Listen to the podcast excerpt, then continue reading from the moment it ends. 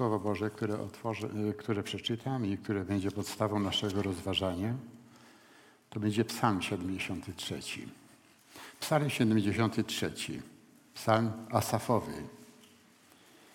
Zaiste dobry jest Bóg dla tego, kto prawy, dla tych, którzy są czystego serca. Co do mnie, omal nie, omal nie potknęły się nogi moje, omal nie pośliznęły się kroki moje bo zazdrościłem zuchwałem, widząc pomyślność bezbożnych, albowiem nie mają żadnych utrapień. Zdrowe i krzepkie jest ich ciało. Znoju śmiertelników nie doznają i nie spadają na nich ciosy, jak na innych ludzi. Przetopycha jest ich naszyjnikiem, a przemoc szatą, która ich ukrywa. Odnoszą się dumnie ze swoją otyłością, serce ich jest pełne złych myśli, Szydzą i mówią przewrotnie, wyniośle przechwalają się grabieżą, przeciwko niebu podnosząc gęby swoje, a język ich pełza po ziemi. Dlatego lud mój zwraca się do nich i nagannego nic w nich nie znajduje. I mówią, jakżeby mógł dowiedzieć się Pan, czy Najwyższy wie o tym?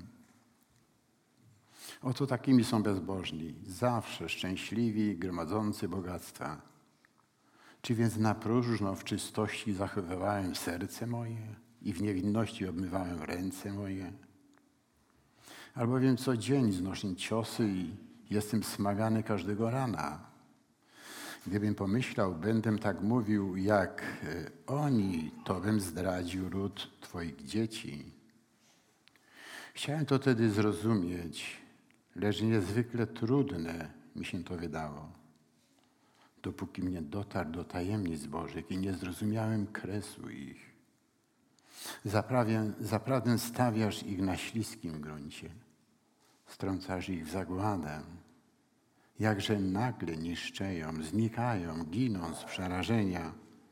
Jak pierzcha sen, gdy się człowiek budzi, tak Ty, Panie, gdy się ockniesz, wzgardzisz ich mrzonkami. Gdy rozgoryczone było serce moje, a w nerkach czułem kłucie, byłem głupi, nierozumny. Byłem jak zwierzę przed Tobą, bo przecież jam zawsze z Tobą. Ty ująłeś, ty ująłeś prawą rękę moją, prowadzisz mnie według rady swojej, a potem przyjmiesz mnie do chwały. Kogoż innego mam w niebie, jeśli nie Ciebie? I na ziemi w nikim innym nie mam upodobania. Chociaż ciało i serce moje zamiera, to jednak Bóg jest opoką serca mego i działem moim na wieki. Bo oto ci, którzy oddalają się od Ciebie, zginą. Wytracasz wszystkich, którzy nie dochowują Ci wierności.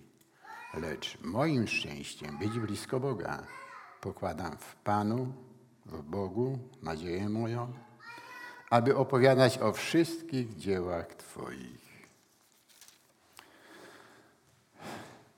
Ojcze, dziękujemy Ci za ten psalm, który możemy teraz czytać i rozważać. Prosimy Cię, Panie, daj nam zrozumienie, abyśmy byli ostrzeżeni, napomnieni, ale i zachęceni przez rozważanie Twojego słowa. Ojcze, proszę Cię o to w imieniu Pana Jezusa. Amen. Lubimy słuchać świadectw. Też, też słyszeliśmy świadectwa od Was, drodzy. Lubimy słuchać świadectw, co Bóg czyni w życiu człowieka, kiedy wkracza w życie człowieka. Właśnie mamy przed sobą świadectwo. Ten psalm to jest świadectwo. Świadectwo człowieka, który ma na imię Asaf. Nie wiemy wiele na temat tego człowieka. Wiemy jedynie, że napisał kilka psalmów. A ten psalm jest jednym z nich, ten psalm 73. Psalm świadectwo. Mówi o swoich rozterkach wiary, mówi o swoich trudnych chwilach na drodze swojej wiary. Ale rozpoczyna od takiego mocnego stwierdzenia, takiego zachęcającego stwierdzenia I nikt by się nie spodziewał później dalszych tych słów, gdyby on tego nie powiedział, tych swoich trudności, tych swoich kłopotów, tych swoich rozterek. Po tych słowach, które wypowiedział na, sam, na samym początku. Natomiast ten wiersz pierwszy, kiedy mówi, zaiste dobry jest Bóg dla tego, kto prawy, dla tych, którzy są czystego serca. To jest piękne stwierdzenie. To wynikało y, z jego znajomości zakonu. W zakonie jest obiecane, Bóg obieca w zakonie, że Bóg tych, którzy strzegą Jego słowa, będzie błogosławił. I tu y, Asaf tym świadectwie rozpoczyna właśnie od tych słów. Widocznie sobie to przypomniał. I teraz mówi, zaiste dobry jest Bóg dla tego, kto prawy, dla tych, którzy są czystego serca. Piękne stwierdzenie, ale nie zawsze tak było w życiu tego człowieka. Przechodził kłopoty, przechodził trudne chwile, przechodził wątpliwości na drodze wiary. I dobrze, że o tym mówi, bo niekiedy sprawiamy takie wrażenie u innych, jakbyśmy zawsze byli na wyżynach. A tak nie jest. Dobrze jest się przyznać przed innymi, przed braćmi, przed siostrami, że jesteśmy w dolinie, na drodze za naszym Zbawicielem, Panem Jezusem Chrystusem. Akurat y, psalmista Asaf przeżywał kryzys wiary, a wyraża się, wyraża to w słowach wierszu drugim. Co do mnie omal nie potknęły się nogi moje, omal nie pośliznęły się kroki moje. Po tym pięknym wyznaniu, po tym pięknym stwierdzeniu w pierwszym wierszu, dobry jest Bóg dla tego, kto prawy. I teraz mówi, co do mnie, omal nie pośliznęły się nogi moje, kroki moje. Nie potknęły się nogi moje, omal nie pośliznęły się y, kroki moje. Co spowodowało ten kryzys? Co spowodowało, że zachwiał się w swojej wierze? Co spowodowało, że prawie się pośliznął, prawie się przewrócił? Otóż zaczął się rozglądać wokół siebie i dostrzegł ludzi bezbożnych, a przy tym bardzo bogatych. Dostrzegł ludzi, którzy kpili z Boga, którzy szydzili z Boga, którzy nie przestrzegali Bożego Słowa. A przy tym byli bardzo bogaci. Przy, zaczął się im przyglądać i widział, że oni są szczęśliwi, że omijają tych ludzi troski, które dotykają ludzi biednych. Są zdrowi, krzepkie ich ciała, są szczęśliwi, są zadowoleni ze swojego życia. I to właśnie spowodowało, kiedy patrzył na tych ludzi, zaczął się chwiać w swojej drodze za Panem, zaczął się chwiać w swojej wierze.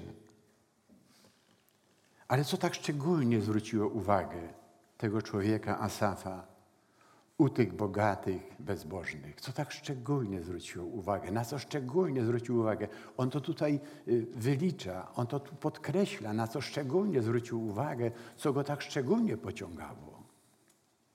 A więc mówi,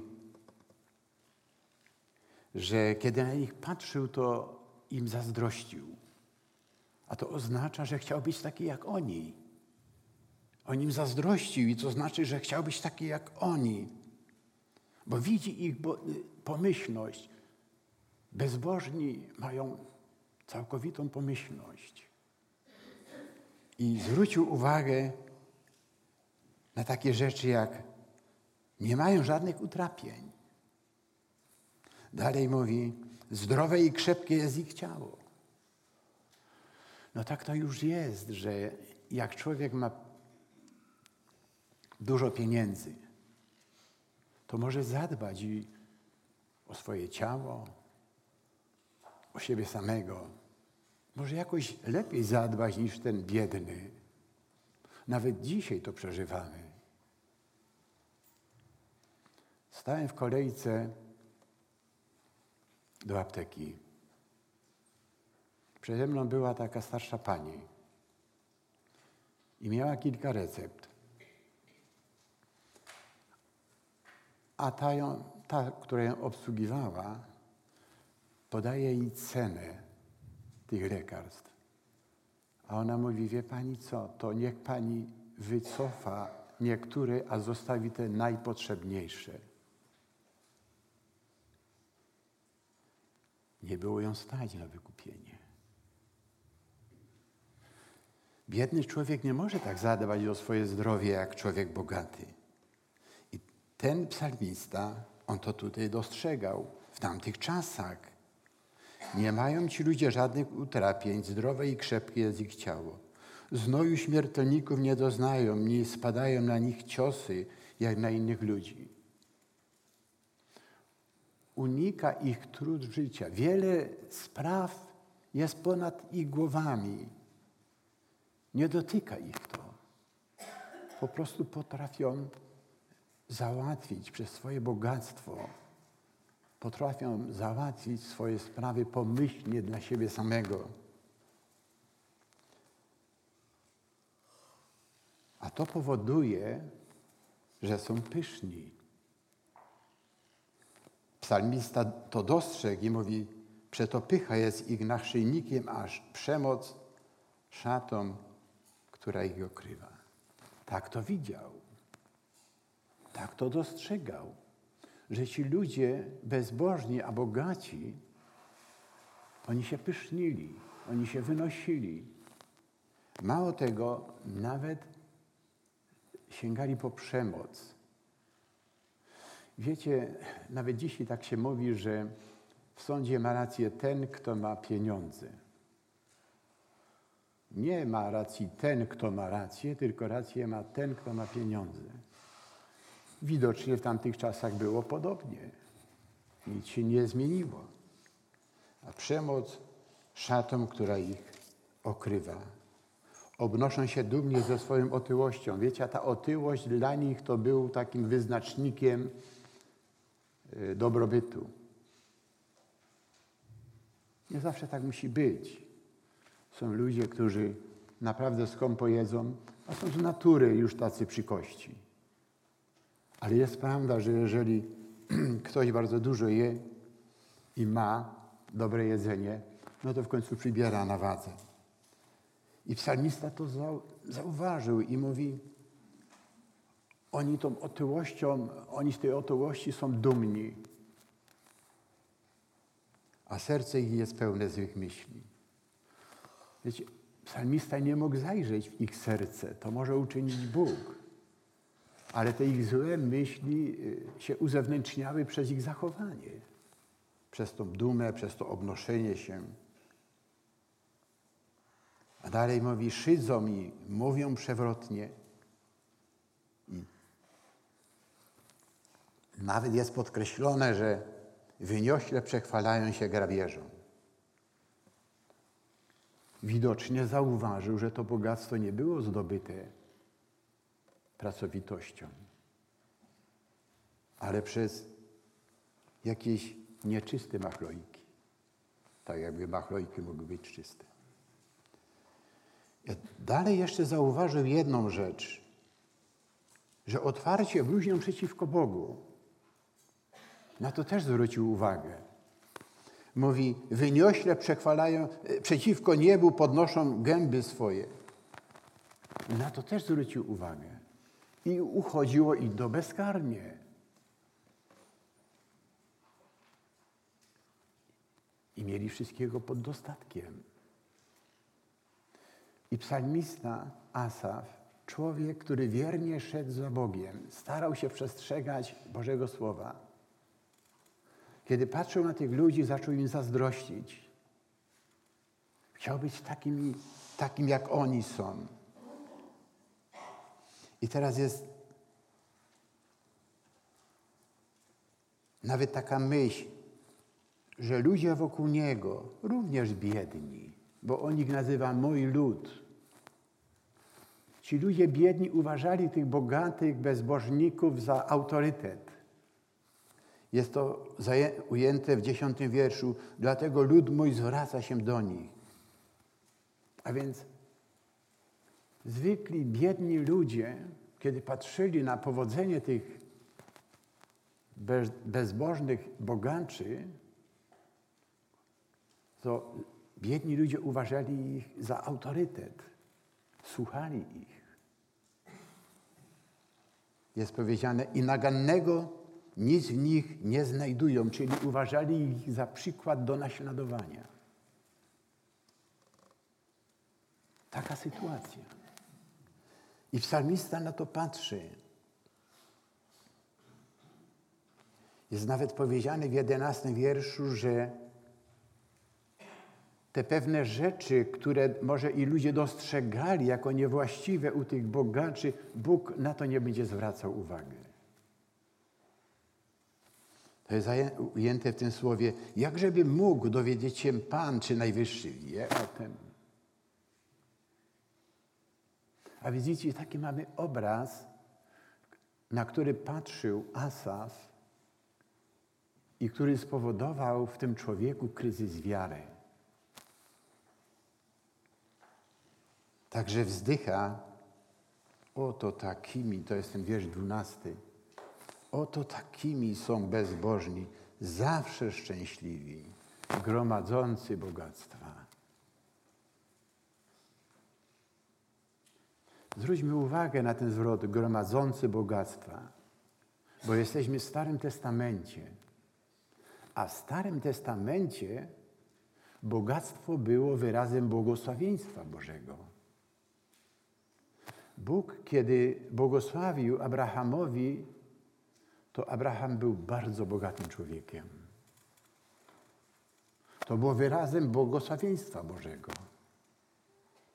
Bóg, kiedy wprowadzał naród izraelski do ziemi obiecanej, to mówił, że im będzie błogosławił właśnie, że będą ludźmi, którzy będą mieli wszystkiego pod dostatkiem, że im niczego nie będzie brakowało. Otwieram piątą Mojżeszową.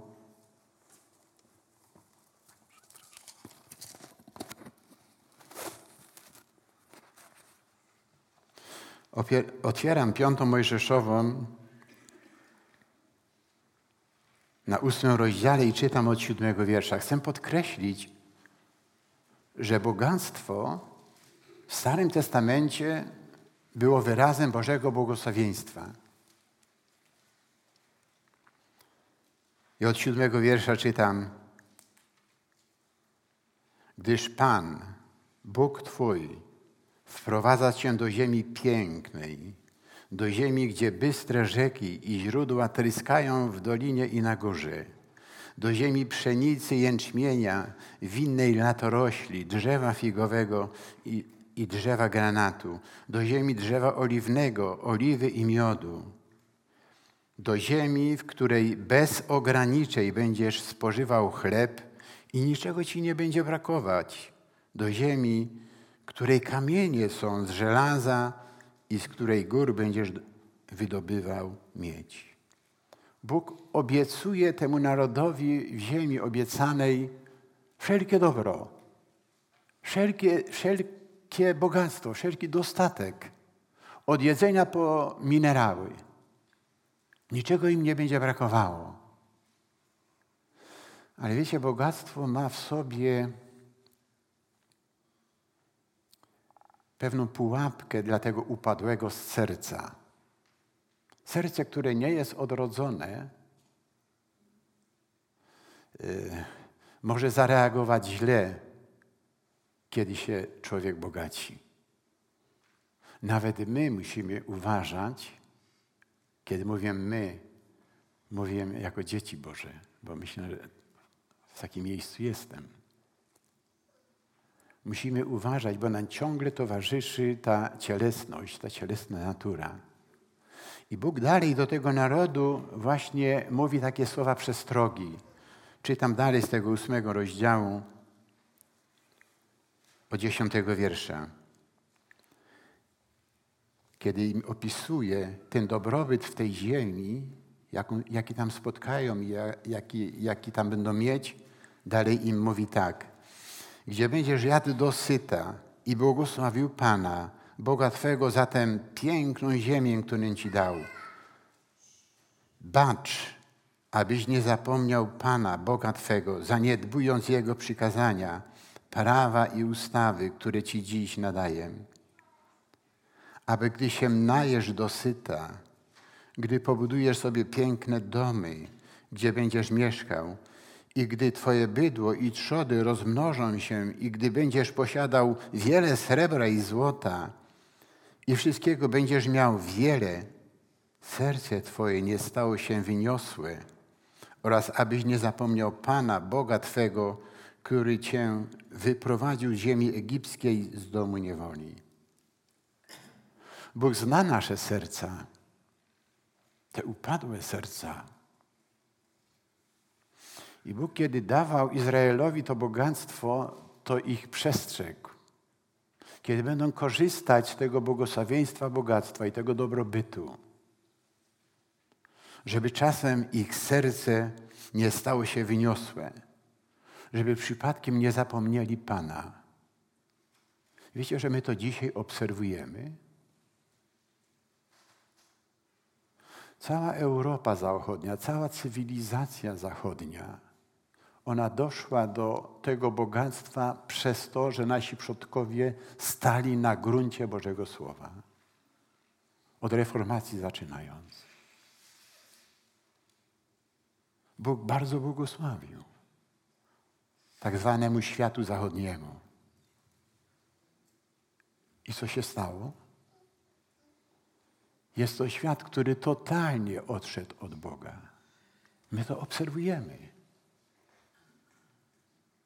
My musimy na to uważać, żeby nam się to przypadkiem nie, nie przydarzyło.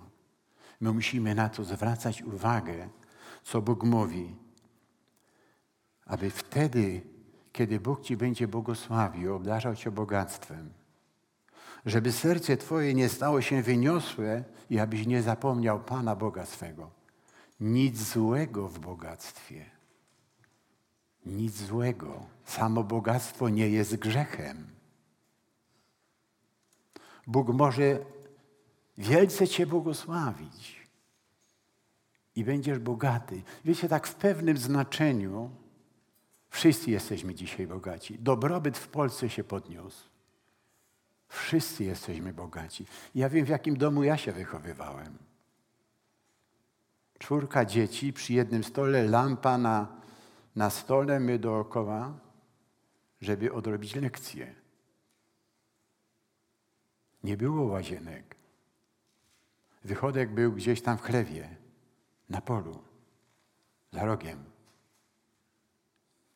Bóg nas obdarzył w tej chwili wielkim bogactwem. Mamy piękne domy. Obyśmy nie popadli w sidła, żeby to było jeszcze, jeszcze piękniejsze. Opowiem Wam taką historię. Pewien człowiek zwrócił się do wierzących ludzi, mówi: Módlcie się za mnie, bo popadłem w długi. Jak to się stało? Chrześcijanin. Mówi, byłem w pewnym domu, widziałem tam meble, tak je zapragnąłem, że poszedłem do banku, nie miałem pieniędzy, poszedłem do banku, wziąłem kredyt, by takie sobie kupić. Meble, które miał, wyrzucił. Może komuś podarował, nie zna szczegółów. Usunął. Potem się okazało, że nie potrafił spłacić kredytu. Mówi, módlcie się o mnie. No staraliśmy się modlić, ale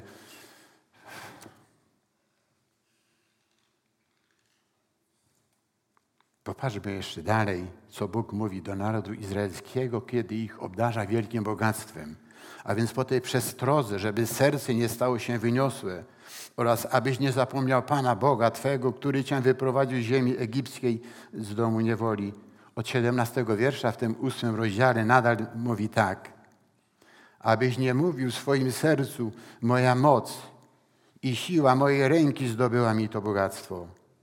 Pamiętaj, że to Pan, Bóg Twój, daje Ci siłę do zdobywania bogactwa, aby potwierdzić swoje przymierze, które przestrzegał, które poprzysiąg Twoim ojcom, jak się to dziś dzieje, okazuje. Bóg mówi, abyś nie wynosił się w swoim sercu i abyś nie mówił, to moja ręka wszystko zdobyła. To Bóg daje zdolności. Tak mam w pamięci taki inny obraz. Kiedyś razem z żoną, dawne lata, odwiedziliśmy pewną siostrę w Chrystusie. I siedzieliśmy przy stole i razem z nią, razem z nami jej ojciec, staruszek już wtedy. Myśmy byli młodymi ludźmi jeszcze. I on taki ożywiony, y, częstowaliśmy się czymś, no był z nami. Ale w pewnej chwili y, po, położyliśmy Biblię na stół i chcieliśmy mieć społeczność już po tym posiłku. On się zerwał, mówi, ja tego nie potrzebuję, bo ja wiem, że Bóg mi błogosławi, ja mam swoje lata, ja mam siły, idę do swoich krów. Teraz nie ma czasu na to, żeby czytać Biblię. I poszedł do swoich krów, krzepki i wkrótce umarł. Wiecie, bogactwo ma w sobie pewne sidła, które mogą wypaczyć nasze spojrzenie na Boga i na siebie samego. Bogactwo może ci zakryć Boga, a siebie wywyższyć. Gdzie powiesz, to ja swoją zapobiegliwością, własną siłą, własnymi zdolnościami to wszystko zdobyłem. Bóg mówi, abyś nie mówił w swoim sercu moja moc i siła mojej ręki zdobyła mi to bogactwo. Wiecie, to, że te sidła tkwią w bogactwie, na to zwrócił również Pan Jezus. Kiedyś wypowiedział słowa właśnie dotyczące bogactwa, które zszokowały jego uczniów. Powiedział, jakże trudno będzie bogatemu wejść do Królestwa Bożego. Uczniowie byli zszokowani, bo oni jeszcze tkwili mentalnie w Starym Testamencie, że jeżeli ktoś jest bogaty, to zgoła z Panem Bogiem ma sprawy pozałatwiane. Dlatego powiedzieli na tą wypowiedź Pana Jezusa, no któż zatem może być zbawiony? No jeżeli nie ten bogaty, to kto? Jeszcze takie myślenie, że bogaty jest bliżej Boga i jakoś trzeba go wyróżnić, ono funkcjonowało, może nie wiem czy w tej chwili, ale kiedy jeszcze byłem takim młodzieńcem i chodziłem do pewnego historycznego kościoła, to był taki kościółek. Trzeba było się śpieszyć, żeby zająć miejsce, bo później brakowało i było trzeba stać. Ale był pewien bogaty człowiek w tej wiosce i on nie musiał się śpieszyć. On miał obok postawioną swoją ławkę. I kiedyśmy już, jak się udało siedzieć, siedzieli, a jeżeli nie, tośmy stali. On przechodził przez całą nawę ze swoją rodziną i siadał w tej ławce. Myśmy mu tego nie mieli za złe. Uważaliśmy, że to jest normalne. To był najbogatszy człowiek we wsi. Wróćmy do naszego, do naszego Asafa i jego świadectwa. Kiedy Asaf patrzy na tych ludzi bogatych, a zarazem bezbożnych, nie liczących się z Bogiem, a jak z, z tego świadectwa wynika, często krzywdzących ludzi, on wzdycha, oto takimi są bezbożni, zawsze szczęśliwi, gromadzący bogactwa. I teraz zaczyna się zastanawiać, rodzą się w jego sercu wątpliwości, co do jego posłuszeństwa Bogu, które wyraża tak: Czy więc na próżno w czystości zachowywałem serce moje i w niewinności obmywałem ręce moje? Inaczej mówiąc, co z tego mam, że jestem wierny Bogu? Co mam z tego? Same kłopoty, tylko problemy. I w biedzie żyję.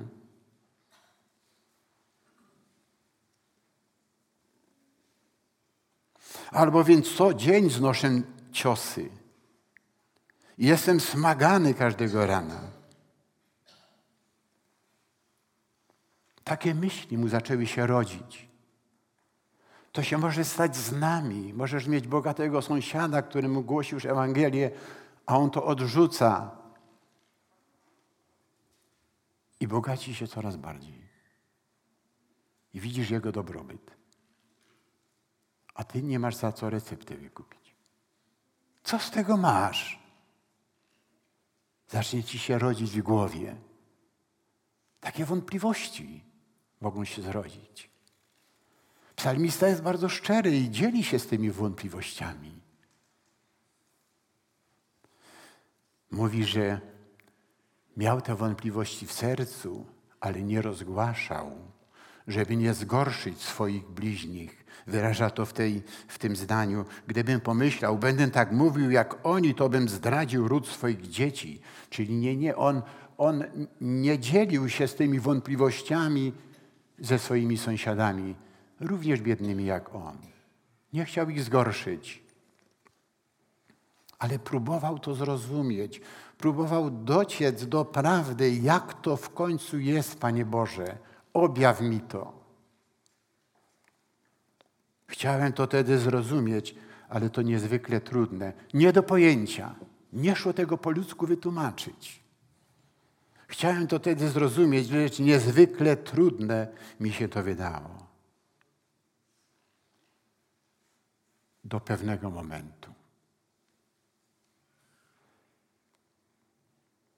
Nastąpiło olśnienie.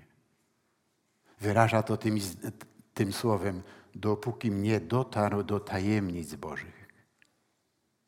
Dopóki mnie dotarł do Bożych tajemnic. Rzeczy przed tymi bogatymi zakryte zostały objawione teraz temu człowiekowi, Asafowi. Te tajemnice Boże mu zostały objawione. I wyraża to teraz, to olśnienie wyraża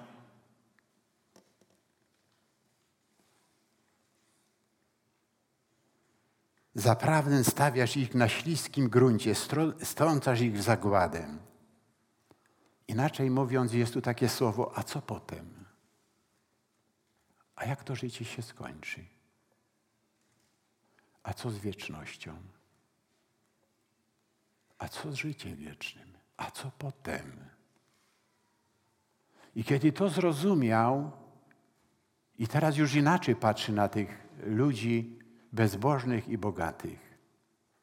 Mówi, to jest bardzo śliski grunt, bo to bogactwo im zakryło wieczność, zakryło im Boga, który ich chce dać wieczność. Jeszcze raz to podkreślam. Bogactwo samo w sobie nie jest grzechem, nie jest złe, ale jeżeli to bogactwo zakryje ci wieczność, to lepiej, żebyś tego bogactwa nigdy nie posiadał. I teraz Asaf, kiedy doznaje tego olśnienia, mówi, jakże oni nagle niszczeją, znikają, giną z przerażenia. I on to wyraża teraz, on to teraz wyraża Panu. Zaprawdę stawiasz ich na śliskim gruncie. On tak się zwraca teraz do, do swojego Boga. Strącasz ich w zagładę znikają z przerażenia jak pierzcha sen. Nagle się to dzieje.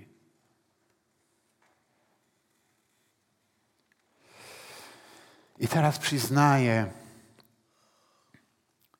że kiedy tak zazdrościł tym bogaczom bezbożnym, kiedy chciał być do nich podobny, to mówi, byłem taki głupi były, zachowywałem się jak bydle, jak zwierzę. I wyraża to tym słowem, gdy rozgoryczone było serce moje, a w nerkach czułem kłucie, byłem głupi i nierozumny, byłem jak zwierzę przed Tobą. Gdy te jego myśli właśnie były takie zazdrosne i tak zerkał w stronę tego bogactwa i miał to pragnienie być takim jak oni. I teraz rozumiał, że przecież jest wieczność, że przecież jest Bóg, który cię chce obdarzyć darem życia wiecznego, że na śmierci i na tym dobrobycie tutaj to życie się nie kończy. Pan Jezus coś na ten temat powiedział w przypowieści o bogaczu i łazarzu. Kiedy on to zrozumiał, to mówi, ja się zachowywałem jak zwierzę, jak bydle. Do bydlęcia się porównuje. Byłem głupi i nierozumny. Byłem jak zwierzę przed Tobą. I teraz stwierdza, on był wierny Bogu. On miał, jego wiara się zachwiała, kiedy odwrócił wzrok od Boga i zwrócił ją w niewłaściwym kierunku. On o mało się nie pośliznął. Ale teraz, kiedy mu Bóg objawił to bogactwo, jakie ma właśnie w Bogu, to teraz stwierdza, no przecież ja jestem zawsze z Tobą. Tyś ujął prawą rękę moją. Wiecie, oznacza to, Boże, Tyś mnie nigdy nie porzucił, nawet w tych wątpliwościach. Nawet wtedy, kiedy byłem głupi jak zwierzę. Nawet wtedy, kiedy odwróciłem wzrok od Ciebie, a, a zerkałem w niewłaściwym kierunku. Boże, Tyś był zawsze ze mną. Wiecie, kiedy czytam y, ten fragment, tego, ten 23 wiersz, bo przecież jam zawsze z Tobą, Tyś ujął prawą rękę moją i później dalej prowadzisz mnie według rady swojej, a potem przyjmiesz mnie do chwały. Jakoś tak w sposób naturalny mi się to kojarzy z wypowiedzią Pana Jezusa, to jest dziesiąty rozdział Ewangelii Jana, kiedy powiedział Owce moje głosu mojego słuchają. Ja je znam, a one idą za mną a ja daję im żywot wieczny i nie giną na wieki, a nikt nie wydrze ich z ręki mojej. Wiecie, tu też o tej ręce jest podkreślone i o tym słuchaniu głosu Pana Boga. Bo przecież jam zawsze z Tobą. Tyś ujął prawą rękę moją. I teraz podkreśla w tym następnym wierszu, co wynika z tych jego relacji z Panem Bogiem. Teraz, teraz, kiedy żyje. I nazywa to, ta, y, określa to tak, prowadzisz mnie według rady swojej. To się dzieje teraz, tu, kiedy oddasz swoje życie Jezusowi Chrystusowi. On cię będzie prowadził według Jego rady. On będzie Twoją mądrością, On będzie Twoją światłością. Nie będziesz zerkał w niewłaściwą stronę. A nawet wtedy, kiedy obdarzy cię bogactwem, bo tak być może, to będziesz słuchał Jego głosu i będziesz właściwie z tego bogactwa korzystał. A to bogactwo nie zakryje ci dobrego pasterza. I on mówi: Teraz wiem, Ty mnie prowadzisz według rady swojej. To się dzieje teraz na tym świecie, za Jego życia, za naszego życia. A potem, a potem, a potem przyjmiesz mnie do chwały. To jest wieczność. Oto bogactwo nasze.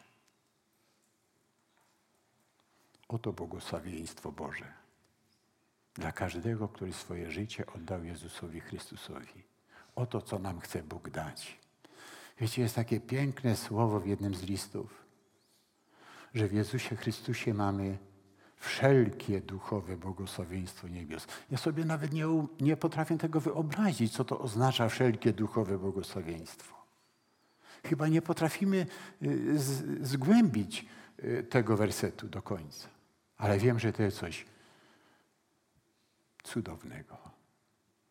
I nie chcę się tego pozbawić przez odwracanie oczu od dobrego pasterza. Prowadzisz mnie według rady swojej, a potem przyjmiesz mnie do chwały. Pan Jezus też powiedział coś takiego pięknego. Ja jestem światłością świata. Kto pójdzie za mną, nie będzie chodził w ciemności. Tu widzieliśmy, słyszeliśmy w tych, w tych świadectwach. Przed Twoim, Twoim nawróceniem to była totalna ciemność i zło. Nie tylko zło wyrządzane ludziom, ale sobie samemu. Człowiek niszczy siebie samego i niszczy wszystko, co jest w kręgu jego, jego działania. Kiedy człowiek jest bez światłości. Jezus jest tą światłością. Kto pójdzie za mną, Pan Jezus mówi, nie będzie chodził w ciemności. A więc patrzcie, i dalej wyznaje, to jest ten wiersz 25, kogoż innego mam w niebie, jeśli nie Ciebie, a w, na ziemi nie ma w nikim innym upodobania. Już nie zazdrości. Kryzys minął. Kogoś innego mam w niebie oprócz Ciebie. Zachował wiarę. Bóg w tym kryzysie był z nim. Nie zostawił go. Przeprowadził go można powiedzieć, przez ten kryzys. Oliśnił go. Pokazał mu, pokazał mu te bogactwa wieczności. A może nawet niekiedy nam trzeba pokazać te bogactwa, jakie Bóg nam daje i nie wyrzucać dobrych mebli i zaciągać długi, bo mamy bardzo ładnie urządzone domy. A cały ten świat jest tak nastawiony, żebyś kafelki skół, bo są już niemodne i założył nowe, żebyś podłogę wytargał i założył nową, bo, są, bo to jest bardziej modne, żebyś coś wyrzucił, a kupił nowe. Tak jest nastawiony świat. I tak nas kusi. Sąsiad przychodzi i ma nowy tablet, nie tablet, mm, komórka jak się to tam nazywa. Pyta się go mój zięć, nie mój syn, ile za to dał? No, nie powiedział, tylko taką minę zrobił dziwną. To było przedwczorem. No więc syn mówi, tysiąc złotych. Mało. Dwa tysiące. Mało. Dalej syn już nie mówił nic, tylko machnął ręką miał bardzo dobrą komórkę. Ale ciebie na to stać, takie są reklamy, ty to musisz mieć. Ty jesteś tego godzien. Tak. I teraz, chociaż ciało i serce moje zamiera, to jednak Bóg jest opoką serca mego i działem moim na wieki. Tu widzimy naprawdę znowu to wyznanie piękne wyznanie, jak było na samym początku. I znowu to wyznanie. Chociaż ciało i serce moje zamiera. Wiecie, to może odnosić się do naszego starzenia się. To może w różnym przypadku być, to może być nawet i do choroby. Różne rzeczy mogą się w życiu fizycznym przydarzyć. Starzejemy się na pewno a choroby też nas mogą dotknąć. I to ciało i serce będzie zamierało. Jednak musisz mieć fundament, musisz mieć opokę, na, którą, na której stanąłeś. To nie śmie być ten maraz, to nie śmie być to bagno. Bóg cię wyrwał w Jezusie i postawił cię na trwałym fundamencie. I stój na tym fundamencie, trwaj w Chrystusie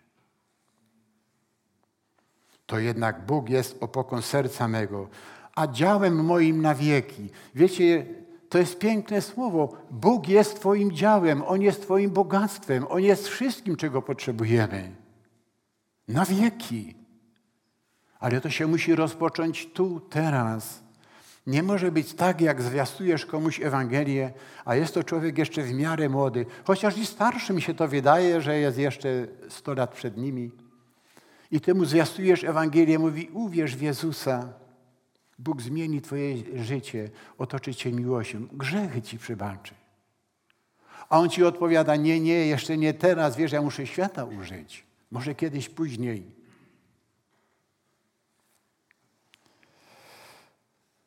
Oby teraz Bóg był opoką serca naszego.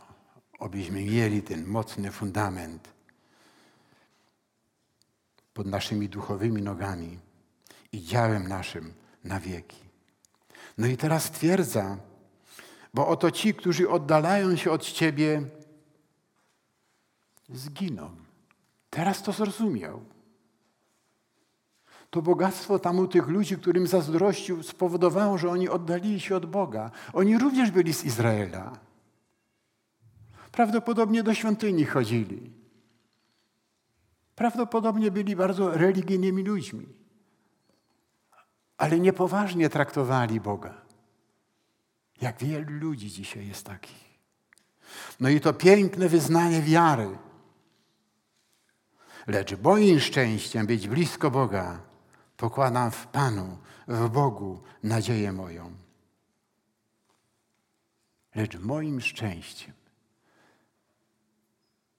Jemu się wydawało, że jak będzie bogaty, to będzie szczęśliwy. Był taki moment w jego życiu.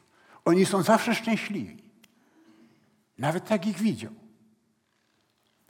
Teraz, kiedy Bóg mu objawił, kiedy zrozumiał, to mówi: Moim szczęściem być blisko Boga, a moja nadzieja jest w Panu. Wiecie, jest takie piękne słowo, które jest zacytowane w Nowym Testamencie, a ono jest wzięte ze Starego Testamentu, że w Jezusie Chrystusie poganie nadzieję pokładać będą. I to się dzieje z nami w tej chwili. To my z Bożej łaski w Jezusie Chrystusie pokładamy nadzieję. Nadzieję, która nie zawodzi. Nie tą ludzką nadzieję. Jak mówią ludzie, nadzieja matka głupich. Nie, nie. To jest nadzieja, która jest nadana od Boga. To jest nadzieja, która nie zawodzi. No i to, ta ostatnia linijka. Myślę, drodzy bracia, co tu jesteście i mówiliście to świadectwo, wy jesteście takim praktycznym y, wyznacznikiem tej ostatniej linijki. Bo kiedy mówi, lecz moim szczęściem być blisko Boga, pokładam w Panu, w Bogu nadzieję moją, to zwróćcie uwagę na, to ostatnie, na tą ostatnią myśl. Aby opowiadać o wszystkich dziełach Twoich. To jest takie charakterystyczne, że kiedy Bóg Cię dotknie w Jezusie Chrystusie, kiedy Mu oddasz swoje życie, już jesteś innym człowiekiem, masz inną świadomość, ale chcesz się podzielić z tym, co Ci Bóg darował w Chrystusie. Wy to robicie. Wy to robicie. Jest to praktyczne wykonanie się tej, tej ostatniej linijki, aby opowiadać o wszystkich dziełach Twoich. I myślę, że wielu z nas to właśnie ta, ta linijka się tyczy Ciebie i mnie. A kto ma opowiadać, jeżeli nie ten, który jest na nowo narodzony? A kto ma opowiadać o dziełach Bożych, jeżeli nie ten, który jest ducha zrodzony? Ten świat?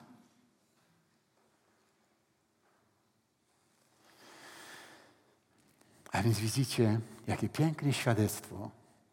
I dziękujemy Bogu, że Bóg zadbał o to, żeby to świadectwo znalazło się w Piśmie Świętym.